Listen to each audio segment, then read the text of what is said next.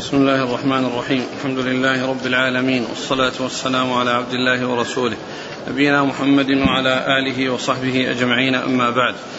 فيقول الإمام أبو الحسين مسلم بن الحجاج القشيري النيسابوري رحمه الله تعالى في كتابه المسند الصحيح. قال حدثنا يحيى بن يحيى التميمي. قال أخبرنا إبراهيم بن سعد عن ابن شهاب عن عامر بن سعد عن أبيه رضي الله عنه أنه قال عادني رسول الله صلى الله عليه وسلم في حجة الوداع من وجع أشفيت منه على الموت. فقلت يا رسول الله بلغ ما ترى من الوجع بلغني ما ترى من الوجع وأنا ذو مال ولا يرثني إلا ابنة لي واحدة. انتقلنا إلى الوصية الثلث. قال حدثني أبو خيثمة زهير بن حرب ومحمد بن المثنى العنزي واللفظ لابن المثنى. قال حدثنا يحيى وابن سعيد القطان عن عبيد الله قال أخبرني نافع عن ابن عمر أن رسول الله صلى الله عليه وسلم قال ما حق امرئ مسلم له شيء يريد أن يوصي فيه يبيت ليلتين إلا وصيته مكتوبة عنده. قال حدثنا أبو بكر بن أبي شيبة قال حدثنا عبدة بن سليمان وعبد الله بن نمير حا قال حدثنا ابن نمير قال حدثني أبي كلاهما عن عبيد الله بهذا الإسناد غير أنهما قال وله شيء يوصي فيه ولم يقولا يريد أن يوصي فيه قال وحدثنا أبو كامل الجحدري قال حدثنا حماد يعني بن زيد حا قال وحدثني زهير بن حرب قال حدثنا إسماعيل يعني ابن علية كلاهما عن أيوب حا قال وحدثني أبو الطاهر قال أخبرنا ابن وهب قال أخبرني يونس حا قال وحدثني هارون بن سعيد الأيلي قال حدثنا ابن وهب قال أخبرني أسامة بن زيد الليثي حا قال حدثنا محمد بن رافع قال حدثنا ابن أبي فديك قال أخبرنا هشام يعني ابن سعد كلهم عن نافع عن ابن عمر عن النبي صلى الله عليه وسلم بمثل حديث عبيد الله وقالوا جميعا له شيء يوصي فيه. إلا في حديث أيوب فإنه قال يريد أن يوصي فيه. كرواية يحيى عن عبيد الله. قال حدثنا هارون بن معروف قال حدثنا عبد الله بن وهب قال أخبرني عمرو وهو ابن الحارث عن ابن شهاب عن سالم عن أبيه أنه سمع رسول الله صلى الله عليه وسلم قال ما حق امرئ مسلم له شيء يوصي فيه يبيت ثلاث ليال إلا وصيته عنده مكتوبة. قال عبد الله بن عمر ما مرت علي ليلة منذ سمعت رسول الله صلى الله عليه وسلم قال ذلك إلا وعندي وصيتي. قال وحدثنيه أبو الطاهر وحرملة. قال أخبرنا ابن وهب. قال أخبرني يونس. حا قال وحدثني عبد الملك بن شعيب بن الليث. قال حدثني قال حدثني أبي عن جده قال حدثني عقيل. حا قال وحدثنا ابن أبي عمر وعبد بن حميد قال حدثنا عبد الرزاق قال أخبرنا معمر كلهم عن الزهري بهذا الإسناد نحو حديث عمرو بن الحارث. بسم الله الرحمن الرحيم الحمد لله رب العالمين وصلى الله وسلم وبارك على عبده ورسوله نبينا محمد وعلى آله وأصحابه أجمعين.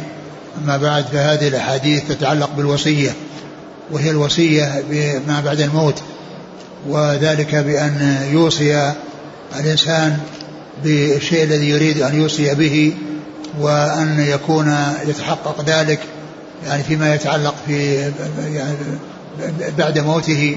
وهذا هو المقصود بالوصية التي تذكر في كتب الفقه وفي كتب الحديث وأنها تتعلق بما بعد الموت.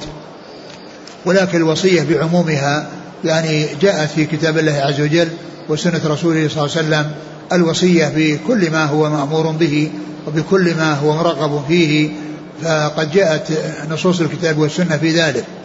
ولكن ما يذكر في كتب الفقه وفي كتب الحديث من كتب الوصايا آه، المقصود من ذلك ما يكون بعد الموت.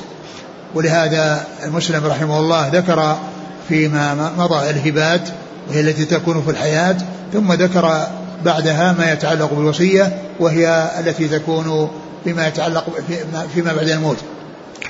وقد ذكر وقد جاء عن ابن عمر في هذا الحديث من هذه الطرق المتعددة أن الرسول عليه الصلاة والسلام يعني رغب في الوصية لمن يريد أن يوصي وعنده شيء يريد أن يوصي به أن يعني آه، تكون وصيته مكتوبة عنده وألا يمر عليه يعني ثلاث ليلتان أو ثلاث إلا وصيته مكتوبة عنده.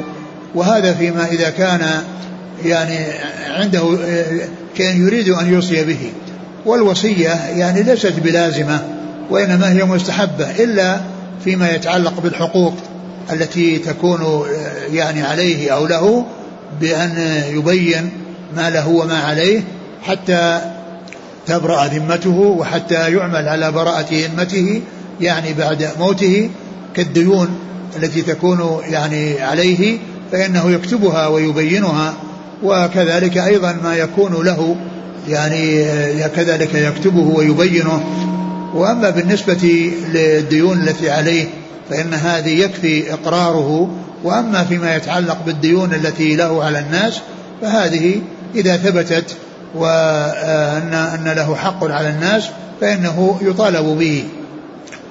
ويعني هذه الأحاديث جاءت في قول ما حق امرئ مسلم يعني يبيت ليلتين وعنده شيء يريد أن يوصي به إلا وصيته مكتوبة عنده.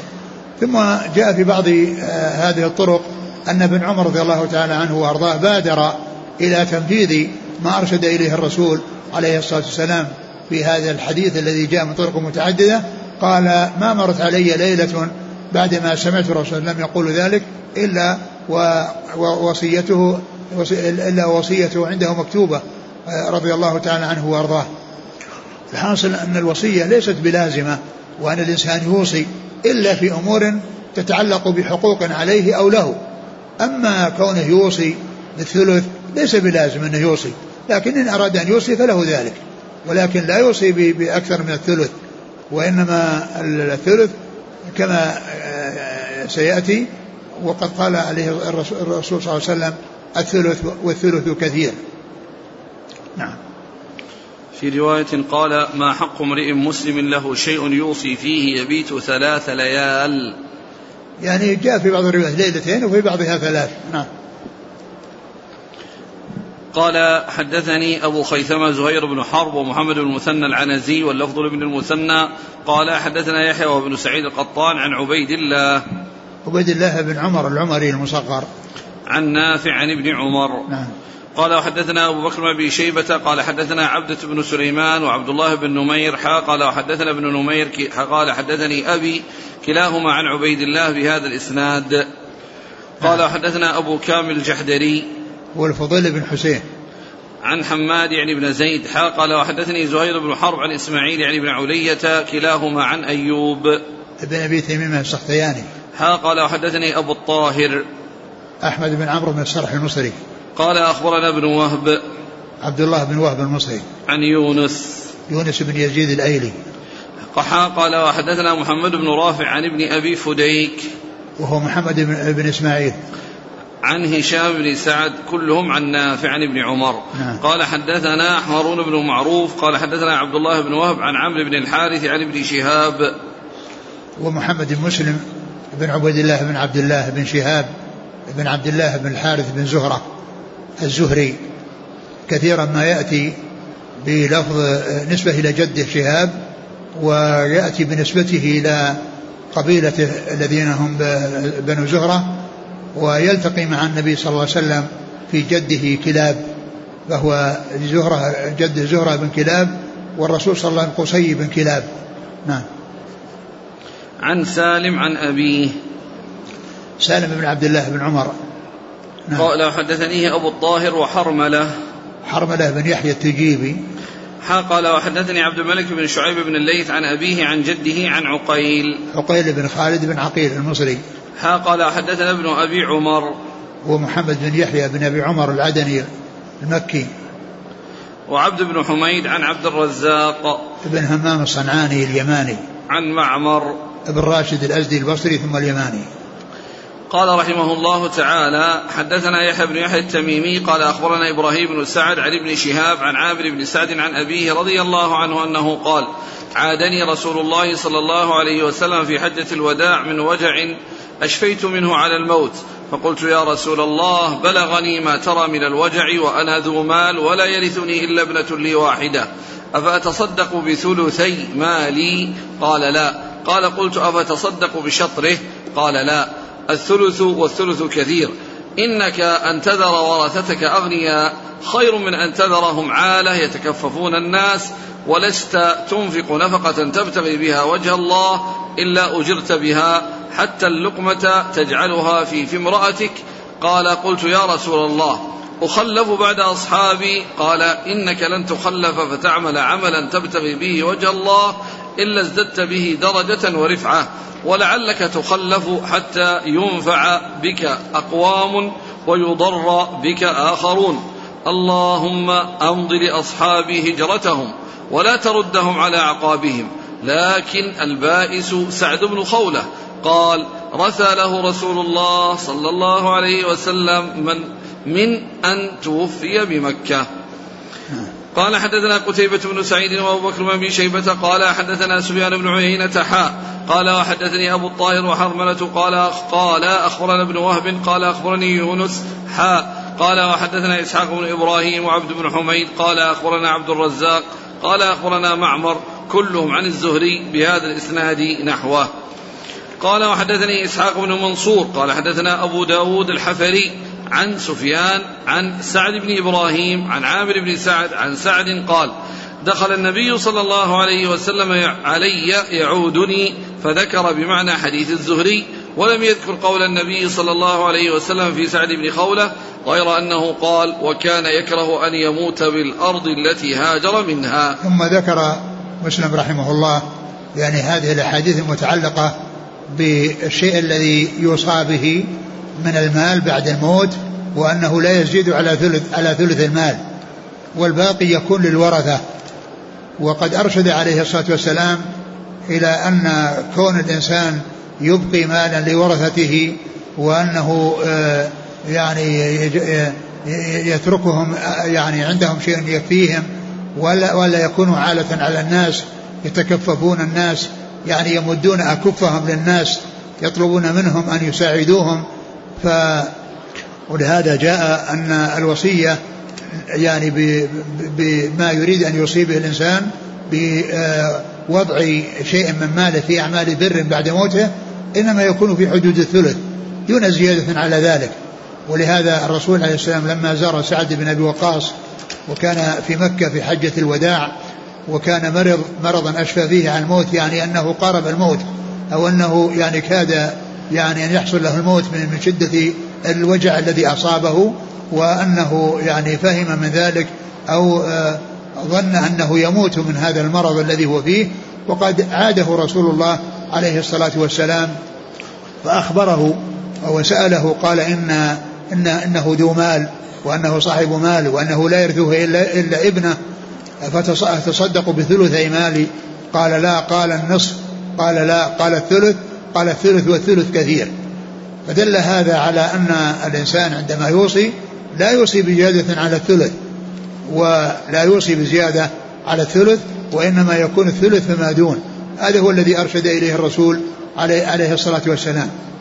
وقوله لا يرثني إلا ابنه يعني المقصود من ذلك من يرث بالفرض وإلا فالأقارب الذين يرثون والعصبة يعني آه، سعد له أقارب يعني يعني يصفون يأخذون ما أبقت الفروض يأخذون ما أبقت الفروض ولكن ذكر البنت يعني من يرث يعني بالفرض المقدر الذي يفرض له.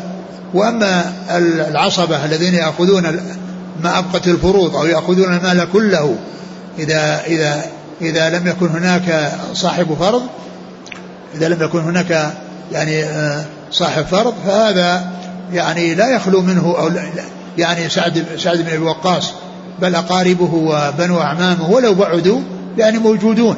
ولكن المقصود من ذلك هذا القريب الذي هو بنته التي يعني يفرض التي يفرض لها.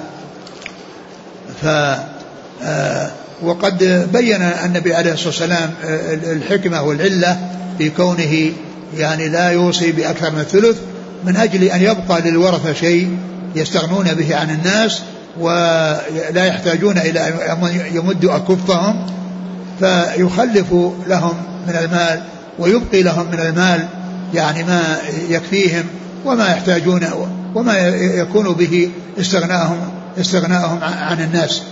ثم إن الرسول عليه الصلاة والسلام يعني آه، كان أو الصحابة رضي الله عنهم وأرضاهم الذين هاجروا من مكة إلى المدينة وكانوا يكرهون أن يموتوا بمكة وذلك أن هجرتهم لم تتم وأنهم ماتوا في المكان الذي هاجروا منه وهم يحبون أن لا يموتوا في المكان الذي هاجروا منه وذلك لأن تمضي لهم هجرتهم. فيعني آه، دعا الرسول صلى الله عليه وسلم لسعد بن وقاص بأن أن يشفي أن يشفيه الله عز وجل وأخبر أن الذي مات بمكة هو سعد بن خولة أنه آه، كان يرثي له أنه مات بمكة يعني ولم يحصل له أنه مات في غير في غير المكان الذي هاجر منه وكانوا يحبون ويحرصون أن يموتوا في غير البلد الذي الذي الذي تركوه من أجل الله عز وجل. فكان عليه الصلاة والسلام أخبر يعني عن سعد بن خولة أنه حصل له يعني خلاف ما كانوا يرغبونه وخلاف ما كان يرغبه الرسول عليه الصلاة والسلام من الموت في غير البلد المهاجر منه في غير البلد المهاجر منه. و ولهذا فالرسول عليه الصلاة والسلام أرشد سعدا إلى أن يعني يوصي بالثلث يعني فأقل. وقال أخلف بعد أصحابي فقال إنك لن تخلف. فيعني آه، آه، وقال إنك لعلك يعني إن, إن خلفت أن أن ينفع بك أناس ويضرك يضر بك آخرون. وقد عاش رضي الله تعالى عنه حتى نفع به أناس وضر به آخرون وذلك أنه قاتل في سبيل الله وكان على رأس الجيوش أو بعض الجيوش التي تقاتل يعني الفرس وحصل الانتصار على يعني على يديه رضي الله تعالى عنه وأرضاه. نعم. قال حدثنا يحيى بن يحيى التميمي عن إبراهيم بن سعد عن ابن شهاب عن عامر بن سعد عن أبيه. نعم. قال حدثنا قتيبة بن سعيد وأبو بكر بن شيبة عن سفيان بن عيينة حا قال حدثنا أبو الطاهر وحرملة عن ابن وهب عن يونس حا قال حدثنا إسحاق بن إبراهيم وعبد بن حميد عن عبد الرزاق عن معمر كلهم عن الزهري. قال وحدثني إسحاق بن منصور قال حدثنا أبو داود الحفري. أبو داود الحفري هو عمر هو عمر بن سعد. نعم. عمر بن سعد. يقال له الحفري نسبة إلى محلة في الكوفة. يقال لها الحفر يعني محلة بالكوفة يقال لها الحفر فكان ينسب إليها. نعم. عن سفيان. سفيان هو الثوري. عن سعد بن إبراهيم عن عامر بن سعد عن سعد. نعم.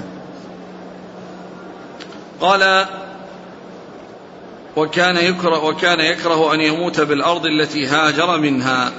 نعم يعني اللي هو اللي هو سعيد اللي هو سعد بن أبي وقاص. هاجر منها مكة. لأنه من المهاجرين الذين هاجروا وذهبوا من مكة إلى المدينة لنصرة الرسول عليه الصلاة والسلام واجتمع لهم رضي الله عنهم وأرضاهم الهجرة والنصرة كما ذكر الله عز وجل ذلك عنه في سورة الحشر للفقراء المهاجرين يخرجون من ديارهم وأموالهم يبتغون فضلا من الله ورضوانا وينصرون الله ورسوله. فعندهم الهجرة عندهم النصرة التي عند الأنصار وعندهم زيادة الهجرة ولهذا كان المهاجرون أفضل من الأنصار. لأنهم جمعوا بين الهجرة والنصرة. وأما المهاجرون الأنصار فليس عندهم إلا النصرة. والمهاجرون عندهم النصرة وزيادة الهجرة. نعم. لكن البائس سعد بن خولة. نعم يعني الذي ما حصل له يعني آه، يتحقق له أن يموت في المكان في مكان غير المكان الذي هاجر منه. وهو زوج سبيع الأسلمية. نعم. قال وهو زوج سبيع الأسلمية التي مر ذكرها في كتاب الطلاق. نعم. قال رثى له رسول الله صلى الله عليه وسلم من أن توفي بمكة. نعم. وسعد كان يكره أن يموت في المكان الذي هاجر منه. رثى له. رثى له يعني يعني حصل منه يعني التأسف أو الشيء الذي يعني يعني ما ما حصل لغيره أو ما حصل أنه تحقق له ما يريد أنه لم يحصل له التحقق لما, يريد وهو أن يموت في غير مكان هجرته التي هاجر منها.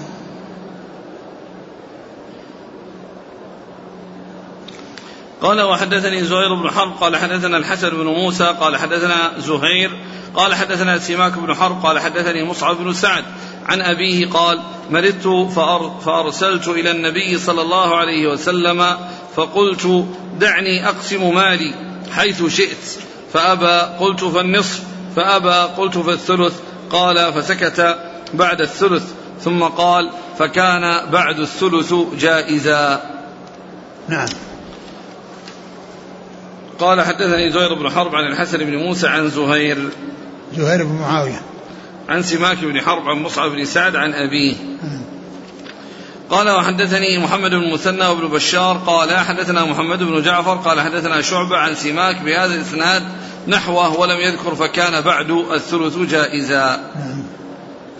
قال وحدثني القاسم بن زكريا. قال حدثنا حسين بن علي عن زائدة عن عبد الملك بن عمير عن مصعب بن سعد عن أبيه. قال عادني النبي صلى الله عليه وسلم فقلت أوصي بمالي كله. قال لا. قلت فالنصف قال لا. فقلت أبي الثلث.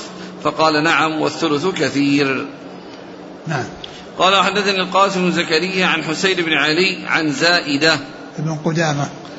عن عبد الملك بن عمير عن مصعب بن سعد.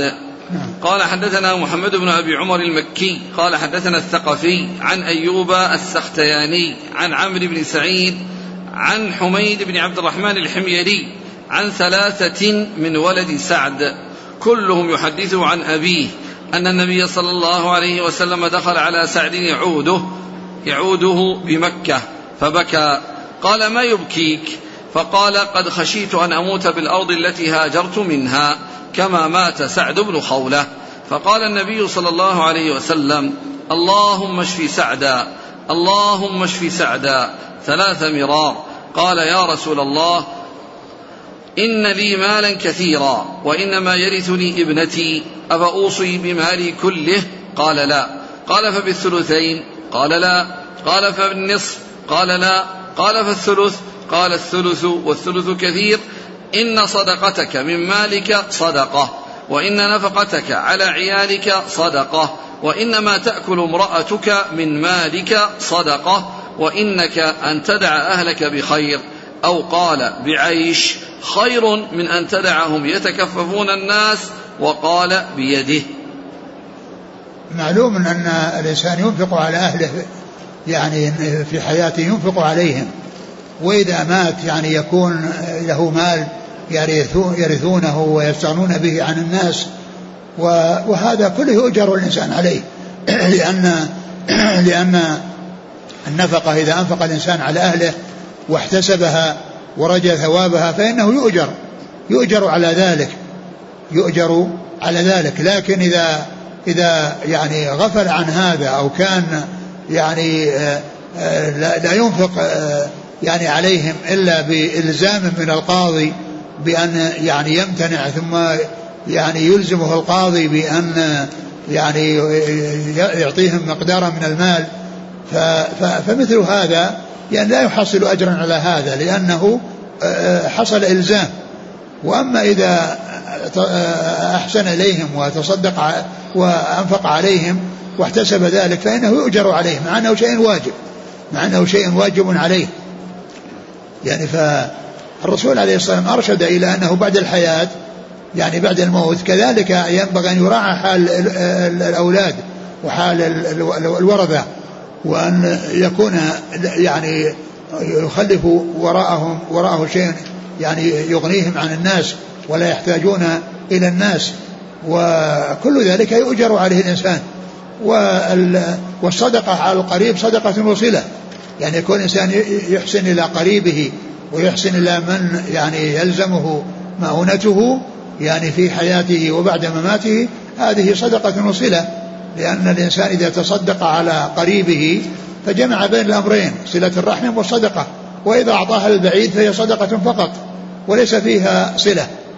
نعم. قال حدثنا محمد بن أبي عمر المكي عن الثقفي. هو عبد الوهاب عبد الصمد لا لا, لا. عبد عبد الوهاب بن عبد الصمد. عبد عبد الوهاب بن عبد المجيد.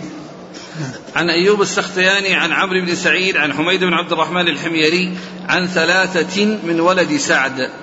يعني هنا ذكر يعني لم يسمهم ولكنه جاء في بعض الروايات المتعددة ذكر مصعب من أولاد سعد ويعني وفيه الاتصال لأنه قال كل أنهم يروون عن أبيهم يعني فهو متصل ولكنه لم لم يعين.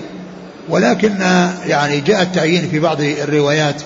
المتقدمة ف يعني و يعني فالإبهام الذي فيه لا يؤثر لأنه جاء في بعض الروايات المتقدمة ما يعين يعني بعض أولاده الذين حصل منهم التحديث عن أبيهم بقصة و ما أراد أن يوصي به وما أجابه النبي عليه الصلاة والسلام فيه. نعم. مر معنا ابنان. نعم. مر معنا ابنان يرويان عنه. اللي هم مصعب و... وعامر, وعامر نعم. آه، آه، هنا الشيخ محمد علي آدم حفظه الله يقول وجدت سعيد بن منصور قد أشار إلى تعيين أحد الثلاثة بأنه عامر. فقال حدثنا هشيم قال أخبرنا ابن عون عن عمرو بن سعيد قال حدثني حميد بن عبد الرحمن الحميري قال أخبرني ثلاثة نفر من ولد سعد. هذا أحدهم يعني عامر بن سعد. أن سعدا مرض بمكة فأتاه الله عليه وسلم الحديث. نعم لكنها يعني ثالث يعني ثالث يعني ما ما ذكر يعني اللي مر إيه، لكن اللي روى هذا الحديث هو عامر. نعم نعم أما الثالث فإنه نعم تعيينه. هنا. يعني تعيينه من الثلاثة. نعم. ذكروا أن يعني الثالث يظن أنه محمد. نعم على كل لا يؤثر يعني المهم أن أن الحديث ثابت ويعني والطرق التي تقدمت تغني عنه وتكفي يعني آه، عنه. نعم. وذكر الرشيد العطار أن بنو سعد سبعة. فيما ذكر علي بن المديني. نعم. مصعب وعامر ومحمد وإبراهيم وعمر ويحيى وعائشة. وزاد أبو زرعة الدمشقي ثامنا. فسماه إسحاق. الذي يعنى بهذا يعني صاحب الرياض المستطابة في من له رواية في الصحيحين من الصحابة. فإنه يعني كتابه فيما يتعلق بالأبناء فإنه يذكر الأبناء ويذكر أمهاتهم أيضا. إذا كانت أمهاتهم متعددة يعني يذكر الأمهات. فهذا من ميزة كتاب الرياض المستطابة في من له رواية في الصحيحين من الصحابة. يعني يذكر أبناءه ويذكر أمهاتهم. طيب الآن هؤلاء الثلاثة لم يشهدوا هذه القصة. لأن ظاهر القصة أنه ما كان عنده إلا بنت لا ذاك هذا هذا يحدثون عن أبيهم لكن لم يشهدوا الحديث الثاني اللي بعد ذلك اللي سيأتي الذي سيأتي رواية بعد هذا يعني ليس يعني فيها الانقطاع. مرض سعد بمكة. نعم. يعني اللي مر هذا أن كل يروي عن أبيه هذا متصل. بس إنه مبهمين يعني فيه الإبهام.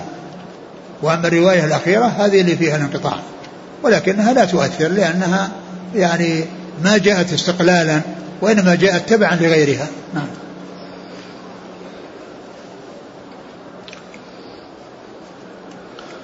قال وحدثني أبو الربيع العتكي قال حدثنا حماد قال حدثنا أيوب عن عمرو بن سعيد عن حميد بن عبد الرحمن الحميري عن ثلاثة من ولد سعد.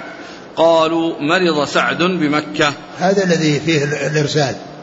لأنهم يحكون يعني الذي حصل وهم ما أدركوه. وأما الرواية السابقة فيروون عن أبيهم. فهذا هو الذي فيه الإرسال. ولكن كما هو معلوم يعني الأحاديث التي مرت يعني تغني عنه وتكفي. ولا يؤثر لأن العمدة ليس عليها. وإنما جاءت تبعا. نعم. قال حدثني أبو الربيع العتكي. هو أبو الربيع الزهراني سليمان بن داود. عن حماد. حماد بن زيد. عن أيوب عن عمرو بن سعيد عن حميد بن عبد الرحمن الحميري. نعم. قال وحدثني محمد بن المثنى قال حدثنا عبد الأعلى. قال حدثنا هشام عن محمد عن حميد بن عبد الرحمن. قال حدثني ثلاثة من ولد سعد بن مالك. كلهم يحدثني يحدثنيه بمثل حديث صاحبه. فقال مرض سعد بمكة فأتاه النبي صلى الله عليه وسلم يعوده بمثل حديث عمرو بن سعيد عن حميد الحميري. نعم. قال حدثني محمد بن مثنى عن عبد الأعلى ابن عبد الأعلى. عن هشام عن محمد. هشام بن حسان. عن محمد عن حميد. محمد بن سيرين.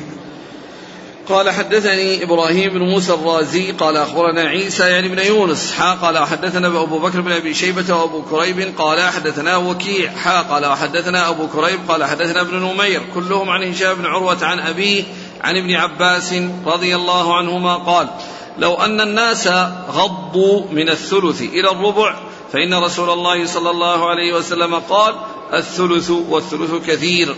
وفي حديث وكيع كبير أو كثير.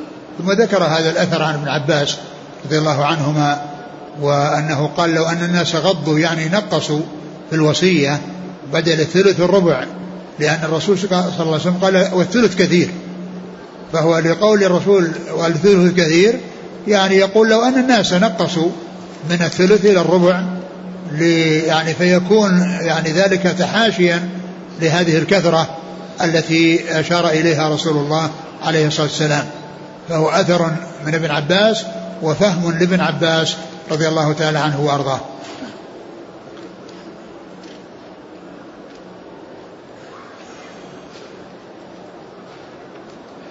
قال وحدثنا أبو بكر بن أبي شيبة وأبو كريب.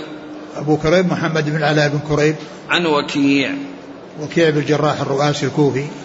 قال رحمه الله تعالى حدثنا يحيى بن أيوب وقتيبة بن سعيد وعلي بن حجر قالوا حدثنا إسماعيل وهو ابن جعفر عن العلاء عن ابيه عن أبي هريرة أن رجلا قال للنبي صلى الله عليه وآله وسلم إن أبي مات وترك مالا ولم يوصي. فهل يكفر عنه أن أتصدق عنه؟ قال نعم. ثم ذكر يعني بعد ذلك يعني هذا الحديث الذي فيه أن رجلا قال للنبي صلى الله عليه وسلم إن إن أباه يعني توفي ولم يوصي أفا يعني يغني عنه أن أتصدق؟ قال نعم.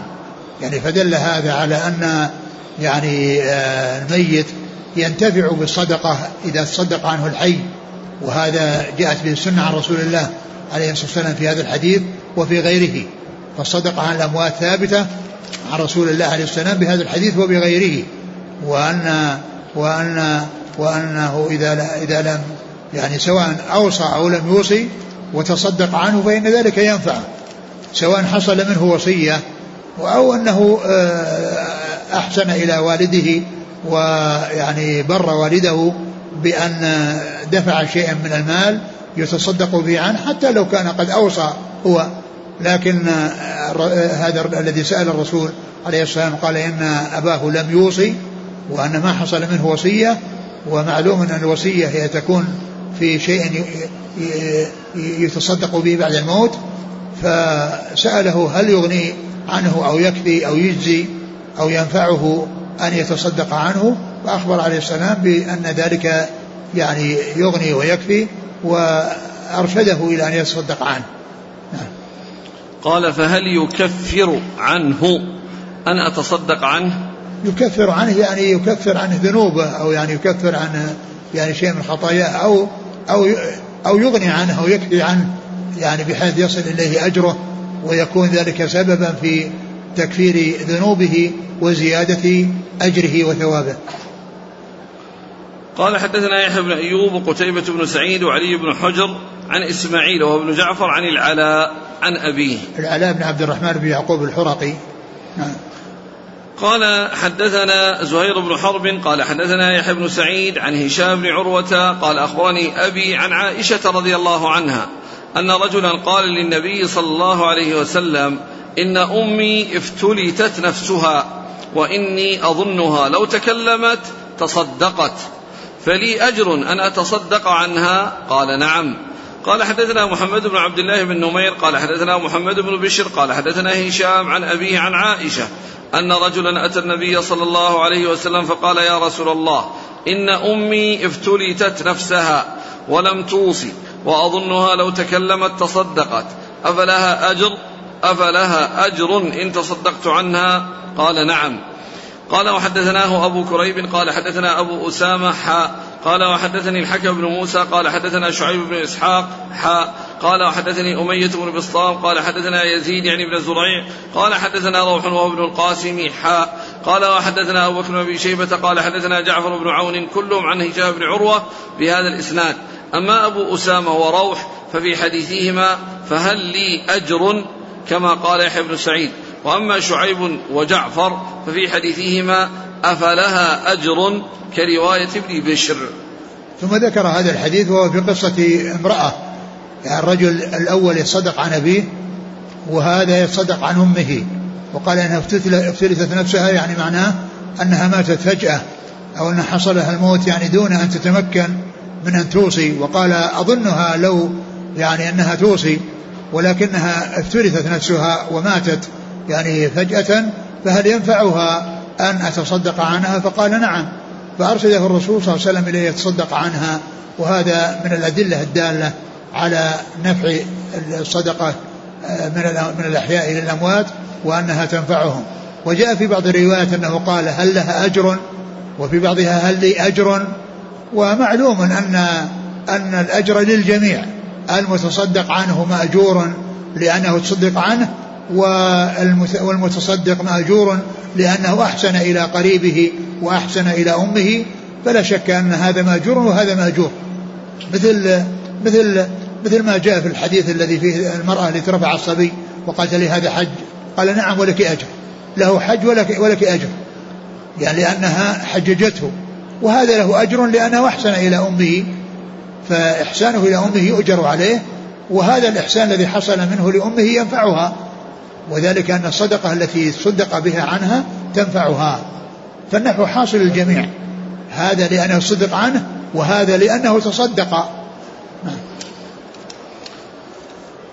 قال حدثنا زهير بن حرب عن يحيى بن سعيد عن هشام بن عروة عن أبيه عن عائشة. قال حدثنا محمد بن عبد الله النمير عن محمد بن بشر عن هشام عن أبيه عن عائشة. قال حدثناه أبو كريب عن أبي أسامة. حماد بن أسامة.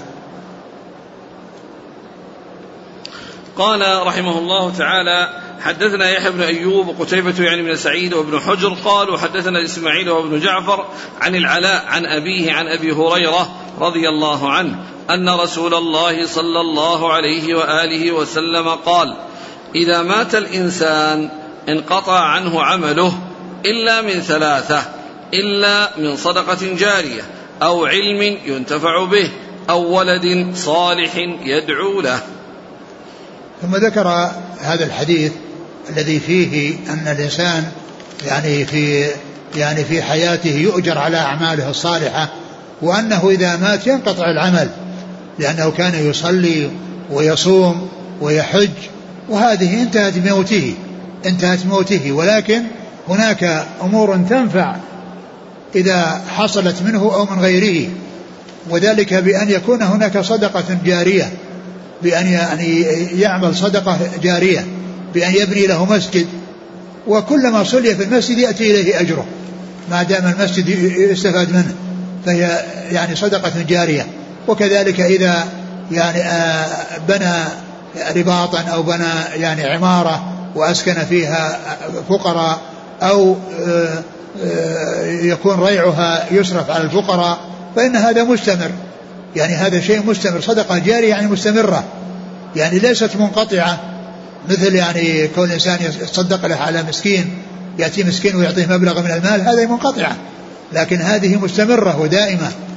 لأن المسجد يصلى فيه باستمرار فيؤجر كل في كل ما صلي فيه يعني آه الذي آه يعني بنى المسجد فإنه يصل إليه أجر أجر الاستفادة منه بعد موته وكذلك بالنسبة للوقف الذي يوقفه في وجوه الخير وأنه يصرف على فقراء ومساكين فكل ما آه، وصل إليهم وكل ما استفادوا فإنه يؤجر على ذلك. والثاني العلم الذي ينتفع به وهو الذي يخلفه وراءه يعني سواء عن طريق المؤلفات أو عن طريق التلاميذ الذين يأخذون عنه وينشرون علمه. فإن هذا مما يصل الإنسان بعد بعد موته ويستفيد منه بعد موته أو علم ينتفع به. وهذا فيه الحث على يعني طلب العلم والاشتغال بالعلم وتعليم العلم. وكذلك أو ولد صالح يدعو له. ولد صالح يدعو له وفي هذا الترغيب على الزواج والحث على الزواج ليحصل الأولاد الصالحين الذين الذين يدعون له نعم. قال رحمه الله تعالى حدثنا يحيى بن يحيى التميمي قال أخبرنا سليم ابن ابن أخضر عن ابن عون عن نافع عن ابن عمر رضي الله عنهما أنه قال أصاب عمر رضي الله عنه أرضا بخيبر فأتى النبي صلى الله عليه وسلم يستأمره فيها فقال يا رسول الله إني أصبت أرضا بخيبر لم أصب مالا قط هو أنفس عندي منه فما تأمرني به؟ قال إن شئت حبست أصلها وتصدقت بها. قال فتصدق بها عمر أنه لا يباع أصلها ولا يبتاع ولا يورث ولا يوهب. قال فتصدق عمر في الفقراء وفي القربى وفي الرقاب وفي سبيل الله وابن السبيل والضيف. لا جناح على من وليها أن يأكل منها بالمعروف أو يطعم صديقا غير متمول فيه. قال فحدثت بهذا الحديث محمدا فلما بلغت هذا المكان غير متمول فيه. قال محمد غير متأثل مالا. قال ابن عون وأنبأني من قرأ هذا الكتاب أن فيه غير متأثل مالا. ثم قال نعم. قال حدثناه أبو بكر بن شيبة قال حدثنا ابن أبي زائدة حاء قال وحدثنا إسحاق قال أخبرنا أزهر السمان حاء قال وحدثنا محمد بن المثنى قال حدثنا ابن أبي عدي. كلهم عن ابن عون بهذا الإسناد مثله غير أن حديث ابن أبي زائدة وأزهر انتهى عند قوله أو يطعم صديقا. غير متمول فيه ولم يذكر ما بعده. وحديث ابن أبي عدي فيه ما ذكر سليم قوله فحدثت بهذا الحديث محمدا إلى آخره. ثم ذكر هذا الحديث وهو يتعلق بالوقف. والوقف هو يعني ما يحصل الإنسان في حياته بأن يخرج عن شيء من ماله وقفا. والوقف يعني يراد به يعني تسبيل تحبيس الأصل وتسبيل المنفعة. تحبيس الأصل يعني بأنه لا يباع ولا يورث ولا يوهب ولا يتصرف فيه وإنما هو باقي وقف ومنفعته وريعه هذا يصرف يعني في المصارف التي يعني ذكرها الواقف التي ذكرها الواقف إذا كانت يعني سائغة وكانت مشروعة. فعمر رضي الله عنه وأرضاه حصل يعني له أرض بخيبر وكانت من أنفس اموال أنفس ماله واستأمر رسول الله عليه السلام بأن يعني ما, ما يصنع بها فأرشده الرسول عليه السلام إلى أن يحبس أصلها وأن يعني يتصدق يتصدق بها أي بريعها وبمنفعتها التي تحصل منها باستمرار. ولهذا الوقف هو يعتبر من الصدقات الجارية مثل الذي مر في الحديث أو صدقة جارية لأن هذا من هذا القبيل. يعني كون شيء موقوف وفائدته مستمرة وأصله يعني ثابت يعني لا لا يباع ولا يوهب والمنافع التي تأتي منه تصرف في وجوه البر التي عينها التي عينها عينها الواقف فالرسول صلى الله عليه وسلم أرشده إلى أن يعني يحبس أصلها وأن يتصدق ب يعني بريعها ففعل وجعلها يعني في يعني في الجهات التي ذكرها وأنها في في, في الفقراء والمساكين. نعم. في الفقراء والمساكين والضيف و قال في الفقراء وفي القربى وفي الرقاب في القربى يعني أقاربه. يعني لا شك أن أقارب الإنسان إذا كانوا محتاجين هم أحق من غيرهم لأن الصدقة عليهم صدقة وصلة نعم. والقربى و وفي الرقاب. وفي الرقاب يعني شراء الرقاب وإعتاقها أو مساعدة المكاتبين الذين يسعون إلى عتق إلى إعتاق أنفسهم ويعني ويحتاجون إلى مساعدة. يعني سواء يشتري الرقبة ويعتقها أو يساعد المكاتب على إعتاق نفسه وفي الرقاب و وفي سبيل الله. وفي سبيل الله يعني المقصود في الجهاد في سبيل الله. لأن سبيل الله إذا جاء معطوفا على غيره من وجوه البر المراد به الجهاد في سبيل الله. ولكن سبيل الله سبيل الله يأتي والمراد به العام يعني كل وجوه الخير هي في سبيل الله. ولكنه إذا جاء يعني مع غيره فالمراد به الجهاد. مثل مثل ذكر سبيل الله في آه، مصارف الزكاة الثمانية. إنما الصدقات للفقراء والمساكين والعاملين عليها والمؤلف القلوب وفي الرقاب والغارمين وفي سبيل الله وابن السبيل. فسبيل الله عندما يأتي مع غيره يراد به الجهاد في سبيل الله. وعندما يأتي مفردا يعني ويراد به العموم فإنه يشمل الجهاد في سبيل الله وغيره. نعم.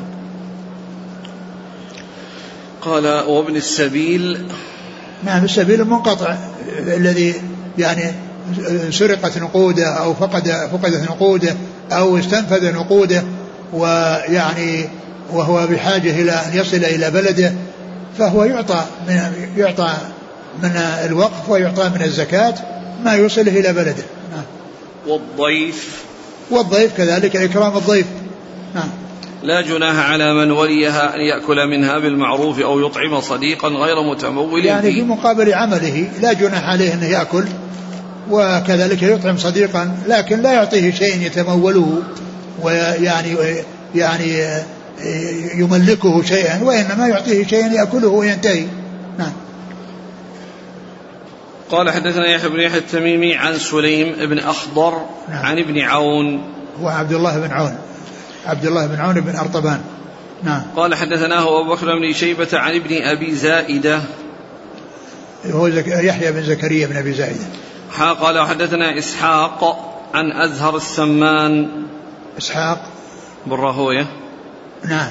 عن أزهر السمان. أزهر بن سعد السمان. قال وحدثنا إسحاق بن إبراهيم قال حدثنا أبو داود الحفري عمر بن سعد عن سفيان عن ابن عون عن نافع عن ابن عمر عن عمر. قال أصبت أرضا من أرض خيبر فأتيت رسول الله صلى الله عليه وسلم فقلت أصبت أرضا لم أصب مالا أحب إلي ولا أنفس عندي منها. وساق الحديث بمثل حديثهم ولم يذكر فحدثت محمدا وما بعده. محمد الذي جاء ذكره هو محمد بن سيرين الذي هو شيخه. يعني شيخ عبد الله بن عون بن أرطبان. نعم. وسبق يعني مثال لهذا قريبا يعني أن عبد الله بن عون قال يعني حدثت محمدا أو ذكرت ذلك لمحمد مر بنا في درس أمس أو الذي قبله. نعم. لا النعمان مش مو في النعم قبل العمرة. نعم.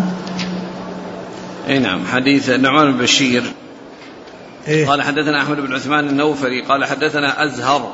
قال حدثنا ابن عون عن الشعبي عن نعمان بن بشير قال نحلني أبي نحلا قال قال ابن عون فحدثت به محمدا. فقال إنما تحدثنا أنه قال قاربوا بين أولادكم. نعم.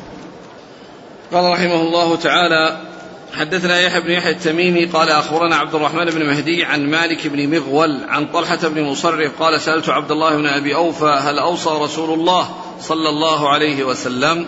فقال لا.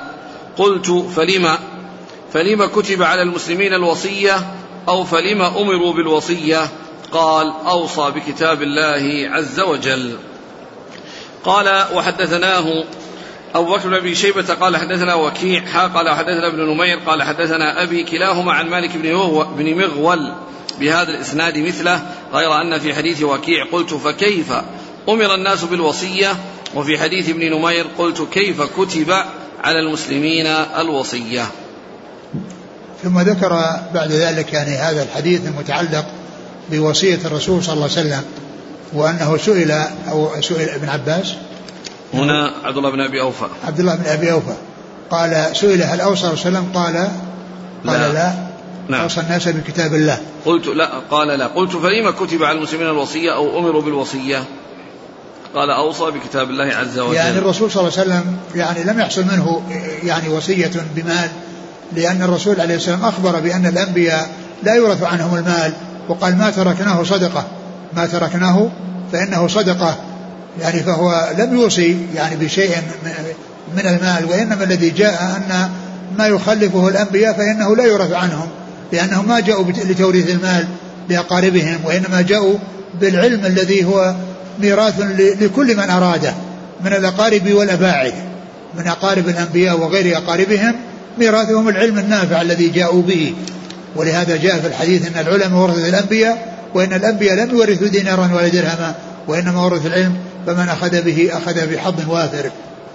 وعلى هذا فإن الرسول عليه الصلاة والسلام ما حصل منه وصية بمال يعني معين. وأن الحديث العام الذي جاء أن كل ما يخلفه الأنبياء إنما هو صدقة يصرف يعني في وجوه الخير وفي وجوه البر ولا يرثهم أقاربهم لأن هذه من خصائصهم. كما قال عليه الصلاة والسلام إنا معاشر الأنبياء لا نورث. ما تركناه صدقة. قال حدثنا أبو بكر بن شيبة قال حدثنا عبد الله بن نمير وأبو معاوية عن الأعمش. حا قال وحدثنا محمد بن عبد الله بن نمير قال حدثنا أبي وأبو معاوية قال حدثنا الأعمش عن أبي وائل عن مسروق عن عائشة رضي الله عنها قالت ما ترك رسول الله صلى الله عليه وسلم دينارا ولا درهما ولا شاة ولا بعيرا ولا أوصى بشيء. قال وحدثنا زهير بن حرب وعثمان بن أبي شيبة وإسحاق بن إبراهيم كلهم عن جرير حا قال وحدثنا علي بن خشرم قال أخبرنا عيسى وهو ابن يونس جميعا عن الأعمش بهذا الإسناد مثله. وهذا في حديث عائشة الرسول ما ترك دينارا ولا درهما ولا شاة ولا بعيرا. بعيرا. وإيش بعده؟ قال ولا أوصى بشيء. ولا أوصى بشيء. يعني ما أوصى بشيء لأنه ما ترك شيئا. وقد جاء عنه كما ذكرت في الحديث أن الأنبياء يعني لا يورث عنهم المال وأن من خلف منهم شيئا فإنه يكون صدقة. يصرف في سبيل الله. نعم. قال حدثنا أبو بكر بن أبي شيبة قال حدثنا عبد الله بن نمير عن أبي معاوية. محمد بن خازم الضرير الكوفي. عن الأعمش. سليمان بن مهران الكاهلي الكوفي. عن أبي وائل. وهو عبد وهو شقيق بن سلمة. عن مسروق. مسروق بن الأجدع. قال حدثنا زهير بن حرب وعثمان بن أبي شيبة وإسحاق بن إبراهيم كلهم عن جرير. جرير بن عبد الحميد الضبي الكوفي. قال وحدثنا يحيى بن يحيى وأبو بكر بن أبي شيبة واللفظ ليحيى. قال أخبرنا إسماعيل بن علي عن ابن عون عن إبراهيم عن الأسود بن يزيد. قال ذكروا عند عائشة أن عليا رضي الله عنه كان وصيا. فقالت متى أوصى إليه فقد كنت مسندته إلى صدري أو قالت حجري. فدعا بالطست فلقد انخنث في حجري وما شعرت أنه مات فمتى أوصى إليه؟ ولما ذكر لعائشة أن أن النبي صلى الله عليه وسلم أوصى لعلي قالت متى أوصى له؟ يعني آخر آخر الناس عهدا به عليه الصلاة والسلام. لأنه كان مس يعني مات وهو مسند آه، رأسه إلى حجرها. يعني يعني يعني مستند إليها. وأنه إن خنث يعني معناه خرجت روحه ويعني سقط. يعني لكونه انتهى عليه السلام ومع ذلك ما ما أوصى ما حصل منه هذا الذي هذا الذي يقال. يعني ف فالرسول صلى الله عليه وسلم ما أوصى لأحد لا لعلي ولا لغيره لا لعلي ولا لأبي بكر. بل جاء عنه الهم بأن يوصي لأبي بكر ولكنه علم بأن المسلمين سيجتمعون على أبي بكر برغبتهم وطواعيتهم فاكتفى بذلك واستغنى عن ذلك. كما جاء في في الصحيح أن النبي صلى الله عليه وسلم قال لعائشة في أول مرض موته ادعي لأباك وأخاك لأكتب كتابا فإني أخشى أن يقول قائل أو يتمنى متمني أو يقول قائل أنا أولى. ويأبى الله والمسلمون إلا أبا بكر. فترك الكتابة لأنه علم بأن الله يأبى إلا بكر وأن المسلمين يأبون إلا بكر وهذا هو الذي حصل. فإن المسلمين اتفقوا على بكر وبايعوه واتفقت كلمتهم عليه بعد وفاة رسول الله صلوات الله وسلامه وبركاته عليه. فإذا حصل ما يغني عن هذه الكتابة وهو أن الذي كان يريده سيتحقق. وأنه سيوجد وقد علم بذلك و وقد تحقق ما أخبر به الرسول عليه الصلاة والسلام. فقد أبى الله إلا أبا بكر وأبى المسلمون إلا أبا بكر. ولكن هذا الذي قيل أن أن عليا أنه أوصى لعلي قالت متى أوصى؟ يعني آخر الناس عهدا به. آخر الناس عهدا به لأنه مات وهو مسند يعني آه، رأسه إليها. وكان في حجرها عليه الصلاة والسلام وأنه آه، انخنث يعني معناه يعني سقط لأنه مات عليه الصلاة والسلام وخرجت روحه عليه الصلاة والسلام. إذا هذا القول المبتدع أن علي كان الوصي نعم. قول قديم نقطة نعم قول قديم نعم. قال حدثنا يحيى بن يحيى وأبو بكر بن شيبة عن إسماعيل بن علية عن ابن عون عن إبراهيم. إبراهيم بن يزيد بن يزيد بن قيس النخعي. عن الأسود بن يزيد. نعم النخعي. قال حدثنا سعيد بن منصور وقتيبة بن سعيد وأبو بكر بن أبي شيبة وعمر الناقد واللفظ لسعيد. قالوا حدثنا سفيان عن سليمان الأحول عن سعيد بن جبير قال قال ابن عباس يوم الخميس وما يوم الخميس. ثم بكى حتى بل دمعه الحصى. فقلت يا ابن عباس وما يوم الخميس؟ قال اشتد برسول الله صلى الله عليه وآله وسلم وجعه. فقال ائتوني قال ائتوني أكتب لكم كتابا لا تضلوا بعدي. فتنازعوا وما ينبغي عند نبي تنازع. وقالوا ما شأنه؟ أهجر. استفهموه. قال دعوني فالذي أنا فيه خير. أوصيكم بثلاث. أخرجوا المشركين من جزيرة العرب. وأجيزوا الوفد بنحو ما كنت أجيزهم. قال وسكت عن الثالثة أو قال فأنسيتها. قال أبو إسحاق إبراهيم حدثنا الحسن بن بشر قال حدثنا سفيان. والله تعالى أعلم وصلى الله وسلم وبارك على عبده ورسوله نبينا محمد وعلى آله وأصحابه أجمعين. جزاكم الله خيرا وبارك الله فيكم والهمكم الله الصواب ووفقكم للحق شافاكم الله وعافاكم ونفعنا الله بما سمعنا غفر الله لنا ولكم وللمسلمين أجمعين آمين. أكثر الأسئلة اليوم عن موضوع يعني من ترك بلد. أكثر الأسئلة من ترك بلدا. الآن الإخوة كثير منهم من الحمد لله من الله عليه بترك بلاد الكفر لما أسلم. يقول أحتاج أرجع إلى هذه البلاد للتجارة لبعض المعاملات لزيارة الوالدين فأقيم فيها أكثر من ثلاث أيام. والله الذي يبدو أن مثل هذا لا بأس به. إذا الحديث ينزل على إيش؟ يعني يعني يبدو أنه يعني أنه يتعلق ب يعني مكة والهجرة من مكة إلى المدينة وأنه ليس ليس عاما في كل بلد وأن الإنسان يعني يقيم فيه ثلاث ويخرج. وهذا كانوا يأتون إليه للحج ومع ذلك يعني بعد الحج يبقون ثلاثة أيام يعني فمن أجل أن يبادروا إلى ترك البلد الذي آه، تركوه لله عز وجل وهاجروا منه إلى غيره الذي هو إلى المدينة. فلا يقال أن الإنسان يعني إذا أراد أن يرجع المكان الذي هاجر منه أنه يعني يعامل هذه المعاملة وأنه يعني ما يبقى فيه إلا مثل هذه المدة ولكنه يحرص يحرص على أن لا يبقى في بلاد الكفر. هذا السائل يقول بالنسبة للوصية هل هناك يعني نقاط معينة صيغة معينة آه عناصر معينة لابد تكتب في الوصية؟ ثم بعد ذلك يذكر حقوقه الخاصة.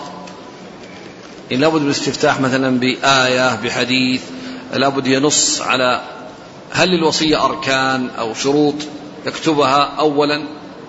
يعني الوصية يعني كما الإنسان يعني طبعا الموصي والموصى به والموصى إليه.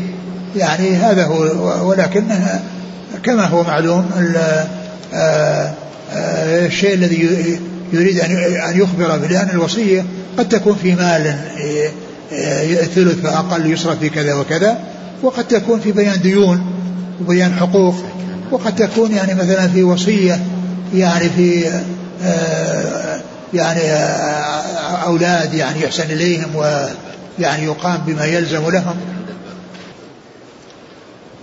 يقول إذا أوصى الأب لشخص ليس من الورثة بما دون الثلث.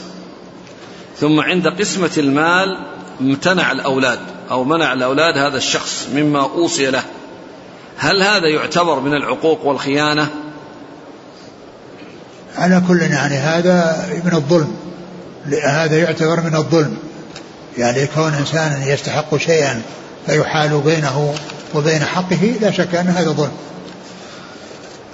والتنفيذ الوصية يعني على أقول على من يكون مسؤولا عن تنفيذ الوصية الذي هو الوكيل أو الوصي عليه أن ينفذ الشيء الذي آه، أوصى به الميت. إذا أقر الميت يعني في وصيته كتب وأقر بأن عليه دين فهل تبرأ ذمته بهذا وينجو من الوعيد المذكور في الآثار؟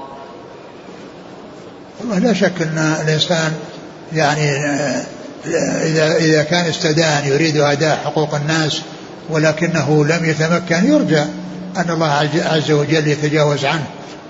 ولكن الديون لا يستهان بها لا يستهان بها ولكن كونه يذكر أن عليه كذا من أجل أن آه، آه، يعني أقاربه أو من يكون يعني يعز عليه أنه يعني يقوم بسداد ذلك عنه.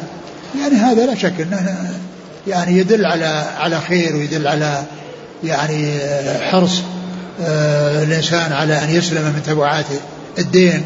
لكن حقوق الناس يعني آه، آه، مبنية على المشاحة ويقتص من بعضهم لبعض. والله عز وجل قد يعني يسخر يعني أصحاب الحقوق بأن يتنازلوا وقد يتجاوز يعني عنه ما دام أنها أخذ حقوق الناس وهو يريد أداءها وما كان كاذبا ولا مماطلا ولا يعني آه، مغتصبا أو آه، متهاونا في أمر أمر الدين وأنه لا يبالي به. فمن أخذ حقوق الناس وهو يريد أداءها يرجى أن الله يهيئ أو يسخر هؤلاء الذين عليهم الدين أن يتنازلوا أو يعني يتجاوز عنهم أو يعني يحصل أحد يقوم بسداد الدين عنه عندما ينص على أن أن عليه دين ومقداره كذا وكذا. يقول أحسن الله إليك هل الوصية تتعلق بالأموال فقط؟ أنا قلت أن الوصية جاءت يعني عامة تطلق بالتذكير والترغيب والترهيب. قد جاء في القرآن آيات عديدة. وأن هذا صراط مستقيم فاتبعوه وليس ويتبع السبل وتفرقوا عن سبيل ذلكم وصاكم به. ذلكم وصاكم به لعلكم تتقون. تكون يعني يعني في يعني في وصية في ترغيب وترهيب وتكون أيضا يعني في الوصيه فيما بعد الموت.